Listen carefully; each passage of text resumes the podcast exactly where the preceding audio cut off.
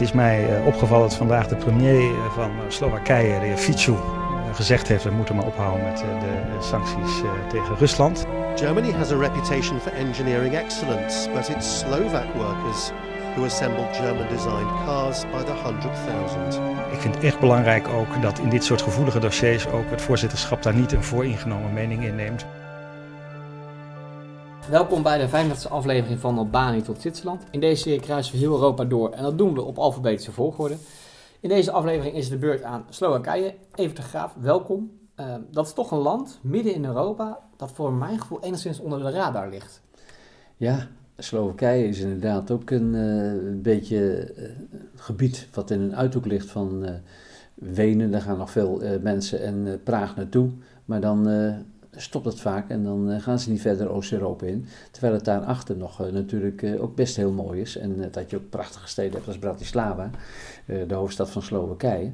Maar het is een land wat al sinds 1526, de slag bij Mohacs, nederlaag tegen de Turken, wat de slag op het Merelveld is voor velen, de grens op de Balkan, is voor hen eigenlijk die dramatische gebeurtenis geweest toen in 1526.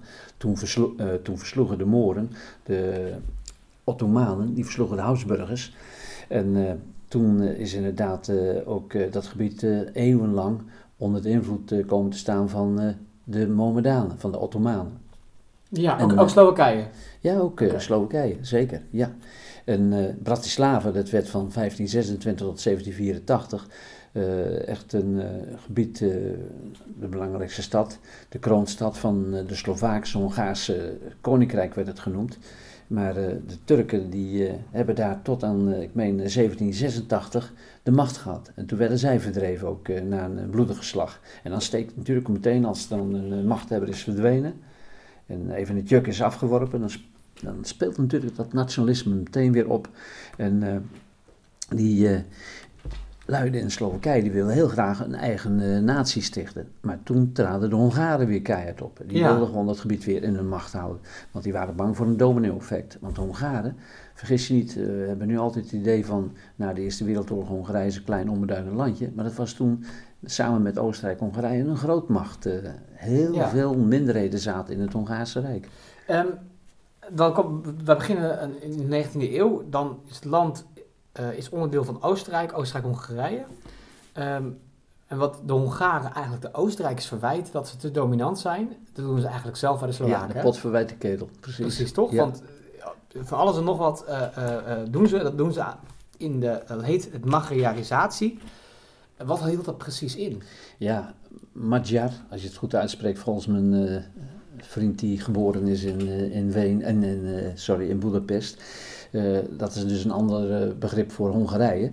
Dat is een streven van Hongaren naar het behouden van de dominantie van hun Hongaarse taal en het opleggen aan minderheden van de Hongaarse identiteit.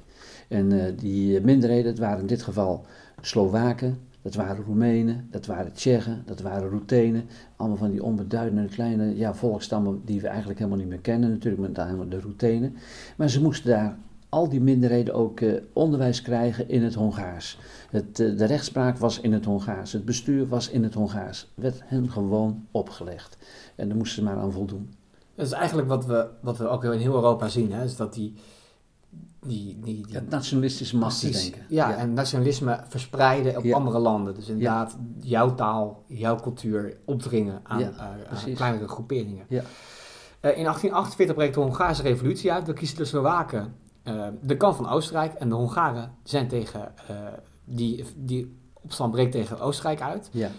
Um, nou, dat is wel een typische voorbeeld van de vijand van mijn vijand is mijn vriend, hè? Ja, uh, even toelichting in 1848, weer dat beruchte jaar van allerlei gebeurtenissen dat het liberalisme de kop opsteekt.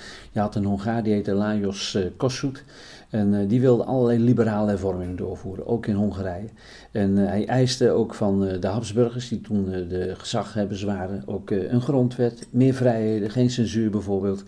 En hij kreeg pal tegenover zich natuurlijk te staan, die conservatieve regering toen nog van Metternich, de man die een hele grote rol had gespeeld na de val van Napoleon. Toen dat congres van Wenen hè, in 1815. Maar Metternich die weigerde en er braken allerlei onlusten en rellen en opstandjes uit in het land. Het gevolg was dat het echt dreigde te ontaarden. En Metternich die koos eieren voor zijn geld en die trad af. En ook een oude keizer, Frans Ferdinand, die trad af. Die had er ook weinig zin meer in om leiding te geven aan dit verdeelde land. En toen werd er een nieuwe keizer naar voren geschoven. Dat was uh, Frans uh, Jozef. Die, uh, weet je wel, met uh, keizerin Elisabeth Sisi is getrouwd. Maar er brak wel een onafhankelijkheidsoorlog uit. En dan zie je echt de Hongaren tegenover de Oostenrijkers staan. De Habsburgers zou je kunnen zeggen. En in het begin haalden de Hongaren nog redelijk wat overwinningen. 1848, 1849 weten ze de Oostenrijkers een tijd lang te verdrijven. Maar uiteindelijk verliezen ze het bij de gebeurtenis 1867. En dat is de Ausgleich geworden. Daar hebben het ook al een keer over gehad bij Hongarije. En dan worden eigenlijk de Oostenrijkers de baas, ook in, uh, in Hongarije weer. En dan wordt het samengevoegd. Dat wordt dus de dubbelmonarchie. Daar heb je wel uh, al ja. vaker van gehoord. En uh, nou, daar hoorden dan ook weer de Slovaken en de Tsjechen bij. En die hebben toen bij die opstand nog wel in eerste instantie ook partij gekozen, de Slovaken en de Tsjechen, voor de Oostenrijkers. Maar ook toen dat uh, gebied uh, uiteindelijk opging in de dubbelmonarchie, moesten zij gewoon weer uh, gehoorzaam aan de machthebbers in zowel Wenen als in Boedapest. Precies, en um, um, dan, dan zijn ze weer dus bij, bij af. Bij, bij, terug bij af. Terug bij af, inderdaad. Ja. Um, de Slowaken die blijven dus onder Hongaars gezag. maar die wens, hè, die, die wens aan een eigen staat, die krijgt wel steeds meer vorm. En daar werken ze ook samen met de Tsjechen. Hè? Ja, klopt. Dan zie je inderdaad, ja, de vijand van mijn vijand is mijn vriend, je zei het al. De Slowaken en Tsjechen die kiezen dan partij tegen de Hongaren. Onder het motto samen sterk, hè, dat kennen we. En toen streden ze tegen de Hongaarse overheersing. En er is in uh, 1896 een uh, gemeenschap, Tsjecho-Slovaakse gemeenschap in Praag opgericht. Uh, die moest zorgen voor een betere onderlinge samenwerking tussen die twee groeperingen. Ook zouden ze inderdaad die Tsjechen steun geven aan Slowakije. En allebei de beweging die streefde naar het vestigen van de democratie. Hadden ze afgekeken van West-Europa. Algemeen mannenkiesrecht moest er komen, ook de grens in dat gebied. En uiteindelijk zag je toch ook dat binnen de Slowaken er ook weer verdeeldheid ontstond. Want daar heb je natuurlijk ook weer tegenstellingen. Met name ook tegenstelling tussen katholieken en orthodoxe slaven. Orthodoxe, Russisch-orthodox, Grieks-orthodox, hoe je het noemen wilt. de katholieken onder de Slowaken die oriënteren zich veel meer op Rome. Terwijl dus de uh, Grieks-orthodoxe kerk, Russisch-orthodoxe kerk zich oriënteert op uh, Moskou. Ja, dus ja, ja. Daar had je weer de nodige verdeeldheid. Uh, Eenheid, een eenheidsworst. zoeken. Precies, die was er in ieder geval niet. Ja. Um, in de Eerste Wereldoorlog hebben we het ook al vaak wel over gehad. Valt Oostenrijk en Hongarije uit elkaar. Um, en dan komt Tsjechoslowakije op de kaart staan. Um, dat zijn dus die twee volken samengevoegd in één land. Maar de Tsjechen zijn, die zijn het dominante volk. volk eigenlijk. Ja wat een beetje met de Slovenen vorige aflevering met Joegoslavië hadden. Dat gebeurt nu met de, met de Slowaken. Ja. ja. wat vonden die daarvan? Ik kan me niet voorstellen dat ze zeggen, nou dat is prima.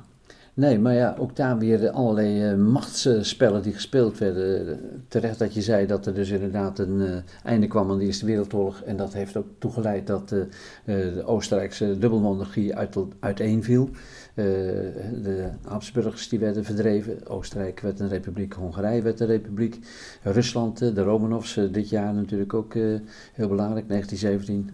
2017, 2018, waar de Romanovs verdreven worden, Duitsland de Hohenzollerns aan de kant geschoven, de keizer Milan II. Maar dan wordt op 28 oktober 1918 er een nieuwe staat gevestigd, Tsjechoslowakije, een republiek. En uh, de grote namen die voor uh, ja, deze zaak gelobbyd hebben bij uh, de grote geallieerde mogendheden, dat was een Slovaak, een zekere generaal Stefanik. En dat was ook een Tsjech, Jan Masaryk. Dat is echt een hele bekende figuur geworden binnen Hongarije. En uh, zij hebben toen besloten om toch te gaan samenwerken, toch proberen inderdaad een nieuwe democratische staat te stichten. En die bestond dan uit allerlei uh, gebieden, Bohemen, Moravië, een stukje Silesië en ook Slowakije. En waaronder ook weer een aantal minderheden van de Hongaren vielen. Want uh, Hongarije werd helemaal opgedeeld en werd, ja, ik geloof dat ze wel meer dan een derde van hun grondgebied verloren toen ook. Ja. Het, ja, het was een, eigenlijk de staat die toen ontstond, dat wil ik toch wel gezegd hebben, 28 oktober 1918, een soort van gedwongen huwelijk. Wilde je voortbestaan, hè, in het uh, machtsspel wat er in Europa gespeeld werd, dan moest je inderdaad uh, niet als kleine staat Slowakije of als kleine staat Tsjechië opereren, maar als gewoon een eenheid. En ze besloten inderdaad dan ook uh, de hoofdstad Praag te maken. En dat ze toch wel ook probeerden natuurlijk het gezamenlijk te doen. Maar je zei het geloof ik al straks, meteen zie je al dat de Tsjechen proberen daar een overheersende rol te gaan spelen in die staat. Het Tsjechisch dat werd toch belangrijker gevonden dan het uh, Slovaaks. En uh, ja, met name ook de Slovaken onder leiding van de zekere Jozef Tiso, een priester, die, die vonden dat helemaal niks. En die wakkerden het nationalisme in hun eigen gebied aan in Slowakije. Um, wat me opviel, Bohemië en uh, Moravië. Uh, ik we hebben gisteren naar de film The Man with the Iron Heart over Heiri gegaan. Nou, die, dat komen straks, dus die wordt ook de baas in Praag. Ja. En die noemt dat niet Tsjechië en Slowaken, die noemt dat nee, Bohemië en, Bohemië en Moravië. Het is ja, natuurlijk een politiek, hoe noem je een bepaald land? Dat, dat, dat, daar ook een beetje in door, hè? Ja, natuurlijk. En uh, met name dan met Heydrich, die heeft dat bewust laten zien. Het is eigenlijk van ouds Duits gebied en dat Bohemen, dat hoort bij Duitsland en het is dus niet jullie gebied. dat heeft ook alles weer te maken met een heel ja, ingrijpende gebeurtenis aan de vooravond van de Tweede Wereldoorlog met het verdrag van München, wat afgesloten werd op 30 september 1938. In wezen heeft dat het einde van Tsjechoslowakije ingeluid. Het ging om de Sudetenkwestie. Je weet dat langs de randen, ja. aan de westkant van Tsjechoslowakije, woonden heel veel Sudeten en Duitsers. Wel, ik meen een paar miljoen. En die hadden maar één ding, die wilden heel graag weer terug in het Duitse Rijk. Alle Germanen, Heimisch had uh, Hitler gezegd. En bovendien had ik nog eens een keer gezegd, uh, we hebben nog een ander uh, punt. Dat is de drang naar Oosten. Wij willen gewoon in Oost-Europa voor onze overbevolking nieuwe gebieden veroveren. En daar hoort natuurlijk ook Bohemen en Moravië bij. Bohemen en bij. En dat werd toen ook, na die conferentie werd dat bezet. Want dan moest natuurlijk de vrede in Europa bewaard blijven hele bekende verhaal van Neville Chamberlain, dat hij terugkeerde met een papiertje in zijn hand ja. in Londen. I bring eh, your peace for our time. Nou, het was echt uh, maar van hele korte duur, want ik zei het al, Bohemen Moravië, het bezet meteen al in 1939 en Slowakije werd een vazalstaat op 14 maart 1939 onder leiding van ik heb hem net al genoemd, Jozef Tiso. Ja. En die Tiso, dat was een, een, een Rooms-Katholiek priester. En dat was een fervente jodenhater. Moest niets van het communisme hebben. Die heeft echt een, eh, een heel fascistisch eh, regime eigenlijk tot stand gebracht in dat gebied. Ja, want Slowakije werd dus onafhankelijk, maar eigenlijk wel gewoon onder, onder Duitse... Ja, met, met, met toestemming van de Duitsers. Ja, zo, om het, om het ja, te een verzalstaat. Eh, Precies. gewoon van Duitsland. Ja, en uh, een, groot, een relatief groot deel van de Slowaken vocht ook actief mee met de Duitsers. Hè? Ja, met name ook werden ze opgeroepen door die Tiso, die fel anti-communist was.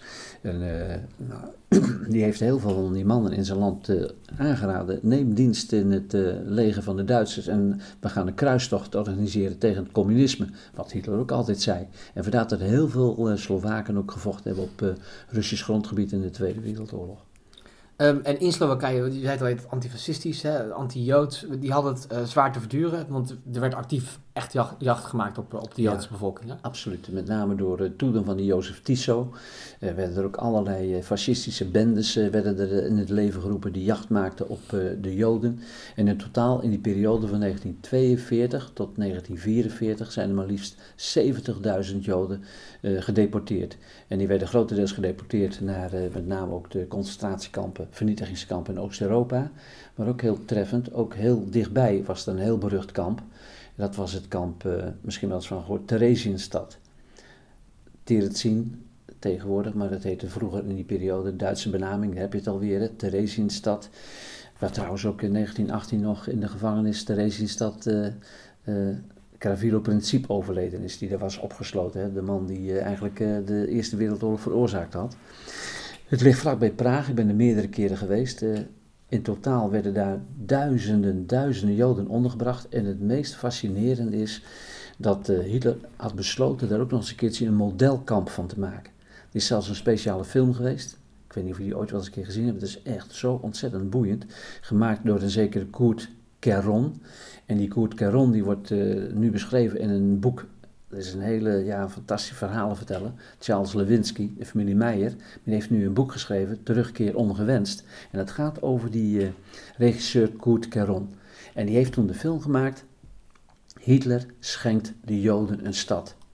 En dat liet gewoon beelden zien dat de Joden het heel erg goed hadden. Dat gingen ze het kamp. Ze hadden eigen winkels, uh, ze hadden een bibliotheek en ze hadden inderdaad ook uh, theater.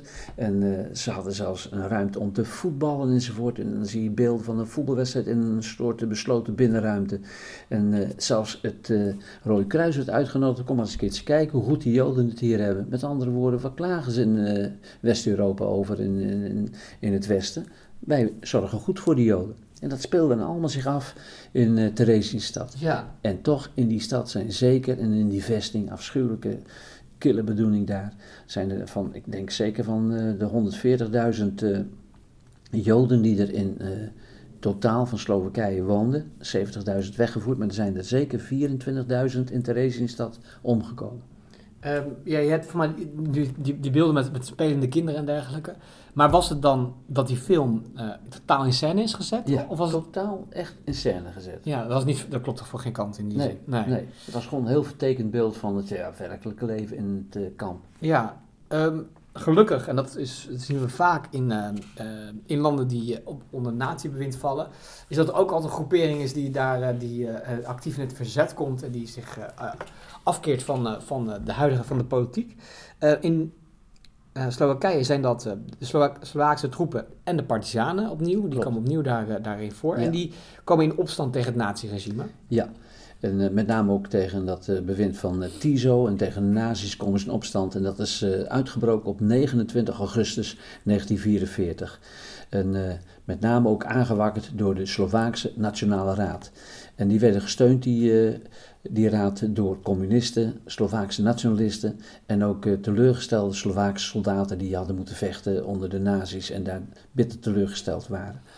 Uh, ook werd het inderdaad ondersteund door de regering in ballingschap en die zat in Londen. Het was een Tsjech, dat was zeker Edward Benesch, maar die vond het fantastisch dat ze dat uh, durfden doen in opstand te komen. En die heeft het inderdaad ook alleen maar, ook via bombardementen met propagandamateriaal, werd het gestimuleerd. In totaal zijn er toen, uh, binnen de kortste keren toen die opstand uitbrak, uh, ze hadden geloof ik een eh, aantal van 18.000. Je zag het groeien met de dag tot ongeveer 50.000 partizanen. En die moesten het opnemen tegen een leger van ongeveer 40.000 SS'ers, onder leiding van de zekere Gottlob Berger. Uh, hevig gevochten. Op het laatst kwamen ook gelukkig, uh, voor de partizanen de Russische troepen van het Rode Leger steeds dichterbij. En die hebben ervoor gezorgd dat inderdaad ook die Duitsers, die SS'ers en die Einsatzgroepen die daar opereerden, vernietigd werden. En dan wordt op 4 april 1945 Bratislava bevrijd door het Rode Leger. En dat was voor hun het einde van de Tweede Wereldoorlog. Die Tiso die wist nog net de dans te ontspringen die fascistisch priester. En die vluchtte naar Oostenrijk en dan werd hij gearresteerd in april 1945 door de Amerikanen. En uh, die hebben hem toen netjes weer uitgeleverd, ook aan uh, de Tsjechen en de Slowaken. En er is een proces geweest van 1945 tot 1947. En er was uh, meteen al duidelijk dat de doodstraf zou worden uitgevaardigd. En dat is ook gebeurd. Hij is op 18 april 1947 is die opgehangen. Ja, twee jaar. Dat is niet echt een schijnproces zoals we later in het communistische... Dat is wel echt een, een echt proces, hè? Echt proces geweest. Um, maar we weten ook, want je zei net al, dat, dat, dat uh, Slowakije en Bratislava bevrijd werden door de Sovjet-Unie. Uh, het land wordt weer tegen Slowakije. Ja, we weten inmiddels, landen die door Rusland bevrijd worden, die worden communistisch. Ja, dat ging niet uh, in één keer. Uh, het heeft nog een paar jaar geduurd, in 1946 tot 1948 uh, was Tsjechoslowakije, je kunt haast nog wel zeggen, een democratisch land. Maar toen daar ook weer verkiezingen werden gehouden en overduidelijk was dat de communisten daar een kleine minderheid hadden, toen heeft natuurlijk ook met name Stalin ingegrepen. En dat was een doorn in zijn oog, want hij uh, was bang dat dat uh, land misschien dan zou toevallen aan uh, het Westen. En hij baseerde zich op afspraken in Jalta. in februari 1945 hadden ze gewoon onderling de grote vier invloedssferen vastgelegd in Europa. En Tsjechoslowakije viel binnen de Russische invloedssfeer. Dus wat dacht hij? we gaan tegenmaatregelen nemen. En er werd een communist naar voren geschoven, en zeker Clement Kotwald. En die heeft toen een coup gepleegd op 20 februari 1948. En toen grepen de communisten de macht. De directe aanleiding was, dat was echt uh, nou, de druppel die de emmer deed overlopen voor uh, Stalin, dat Amerika in 1947 aan alle landen, zelfs ook aan de Sovjet-Unie, maar ook aan Tsjechoslowakije, de Marshallhulp had aangeboden. En dat uh, dreigt natuurlijk echt veel te veel uh, ja, uh, ruiken naar de aanwezigheid van Amerika, ook in Tsjechoslowakije, dat hij dacht, dit moeten voorkomen. Vandaar dus die, die staatsgreep. Ja. En daar werd echt keihard opgetreden. Met name daar had je een hele bekende democraat, die een fervent voorvechter was van de Amerikaanse marshallhulp. Dat was er zeker Jan Masaryk. En het is al vaker gebeurd al in 1618, 1619, dat mensen die tegenstanders van het bewind waren uit het raam werden gegooid in Praag en uh, omkwamen. Ook met deze Jan Masaryk, die vonden ze onder, op de straat onder zijn raam liggen met uh, ja, en al dat soort dingen meer. En die is gewoon waarschijnlijk vermoord ook door uh, de communisten. En dat was een van de meest spraakmakende leiders. En ze wisten toen binnen kortste keren die tegenstand tegen de koep wisten ze ongedaan te maken. En dat was uh, het einde in 1948 van de Democratische Republiek Tsjechoslowakije. En toen werd het communistisch. Precies, en dan, en dan volgt er een, een, strikt communisme, um, een, een kiezelhard communisme. Um, totdat uh, er een Dubček aan de macht komt. Um, en die wil communisme, uh, het communisme eigenlijk heel menselijk maken. Ja. Hoe deed hij dat? dan heb je het over de Slovaak Alexander Dubček. En die heeft geleefd van 1921 tot 1992. Uh, op een gegeven moment begonnen ze ook in uh, Tsjechoslowakije ja, de buik vol te krijgen van het communisme. Want het communisme legde alleen maar de nadruk op de zware industrie. En je moest echt presteren, presteren dat was echt, uh, werd het aangewakkerd. Je had in Rusland had je de Stakhanov-arbeiders en uh, werd gewoon gepromoot in de fabrieken. Degene die goed werkten, uh, die kregen dan wat extra's en die werden met foto's werden ze overal tentoongespreid van neem een voorbeeld aan deze arbeider. Maar je kon, als je wat, wat geld kreeg, kon je bijna niks verkopen, want de nadruk lag op de zware industrie. De consumptieindustrie was echt helemaal, ja... niet in tel bij al die communistische landen niet enige land wat er een beetje bovenuit stak in dat opzicht was Hongarije. Daar was meer aandacht ook na 1956. Gulascommunisme. Gulascommunisme. Uh, er was een grote verborgen werkloosheid, er waren geen vrijheden. En er wilden, er wilden veel Tsjechen en Slowaken wilden er vanaf. En met name Dubček. Hij heeft een, uh, een tijd lang met zijn ouders in uh, de Sovjet-Unie gewoond, als klein ventje. 38 teruggekeerd. Heeft ook nog meegedaan aan die opstand tegen uh, Tiso op 29 augustus 1944. Hij wordt wel lid van de Communistische Partij Tsjechoslowakije. Maar hij besluit, een heel wijs besluit vind ik het zelf, om het socialisme een menselijk gezicht te geven. Hij wilde gewoon een vriendelijker communisme, meer vrijheden en vooral ook meer consumptieartikelen in de winkels. Dat de mensen ook eens een keertje gewoon een behoefte bevredigd konden, ja. zien. En hij ging daar zelfs uh, ging daar heel ver in. En uh, Moskou vond zelfs veel te ver. Uh, en die grijpt in, hè? Ja, dat is ten tijde gebeurd van Leonid Brezhnev. En die heeft de scepter gezwaaid in het Kremlin van 1964 tot 1982 aan zijn dood toe. En hij heeft toen de Brezhnev-doctrine opgesteld. En de Brezhnev-doctrine deelt in als een land dreigde weg te vallen uit het Warschau-pact en het Warschau-pact is de tegenhanger geworden in 1955 van de 1949 opgerichte NAVO. Eh, dat de Oost-Europese landen zich wilden verdedigen tegen een eventuele aanval van, uh, uit het Westen. Als een land dreigde weg te vallen uit het uh, Warschau-pact, dan had de Sovjet-Unie terecht om in te grijpen. En dat gebeurde toen op 28 of 21 augustus 1968, de Russische inval inderdaad in Praag. Bijna alle landen van het Warschau-pact deden mee we hebben het ook al een keer over gehad, behalve één land, Roemenië. Onder leiding van Ceausescu, die toen nog immens populair was bij ons in het Westen. Omdat hij hier niet aan meedeed. Maar wel degelijk uh, werd inderdaad er hard opgetreden. Dubček werd afgezet. En velen in het Westen hielden hart vast. Ik weet nog best dat het op eh, de televisie was. En ik was er toen al in geïnteresseerd in. Nou, dat gaat Dubček de kop kosten. Maar dat was toch niet zo. Hij werd inderdaad uh, uit het ambt verwijderd. En uh, hij is dus niet gedood. Hij werd te werk gesteld uh, in, in de bossen van Slowakije. Je zou kunnen zeggen het staatsbosbeheer van Slowakije. Ja, en, daar heeft hij een precies. stil en teruggetrokken leven geleid ja. tot aan de ja, gebeurtenissen in 1989. Ja, en daar, daar, komen we zo op. Hè. Um, want die onvrede is natuurlijk niet weg, maar het communisme dat, dat houdt stand uh, tot het einde van, van, van die periode in Oost-Europa. En dan is Tsjechië, uh, Tsjechoslowakije, daar ontspint zich de fluwele revolutie. Ja. Dat is natuurlijk al een prachtige naam, maar waarom? Hele mooie naam. En ja, als je de fluwele revolutie noemt, dan moet je altijd denken aan één man die daar een geweldige hand in heeft gehad. Dat is Vaclav Havel geweest, die geleefd heeft van 1936 tot 2011. Dat was een Tsjechisch dissident al in de tijd van het communisme, dat hij zich verzette. Hij was een intellectueel, dichter, schrijver, afkomstig uit een bourgeois gezin. Uh, hij moest in wezen niets van het uh, communisme hebben. En uh, hij heeft toen al in 1977 heeft hij al de Garta opgericht, de Garta-beweging. En hij betichtte de Communistische Partij van schending van de mensenrechten en hij wilde gewoon zorgen voor meer burgerlijke vrijheden. Hij heeft ook daarvoor zelfs nog in 1986 de Erasmusprijs voor gekregen vanuit Nederland, dat we hem steunden. Hij werd later een andere beweging opgericht, daar werd hij ook de leider van. Dat is het Burgerforum geweest en dan zit je al in 19 november 1989. En dan heb je al natuurlijk de val van het uh, communisme gehad, de val van de muur, de val van het ijzeren gordijn. En hij wilde dat ook bewerkstelligen op een hele vredelievende wijze. Mocht geen bloed vloeien, dat was echt helemaal uh, niet uh, aan de orde. Maar hij wilde gewoon uh, dat de studenten, dat de kerken, de arbeiders gewoon op geweldloze wijze gingen demonstreren voor meer burgervrijheden. En dat is toen echt een geweldig proces geworden. Binnen de kortste keer had hij grote betogingen weten te organiseren in Praag en ook in Bratislava. En daar heet het ook publiek tegen geweld, dat is het genoemd. En het is op een fantastische wijze verlopen.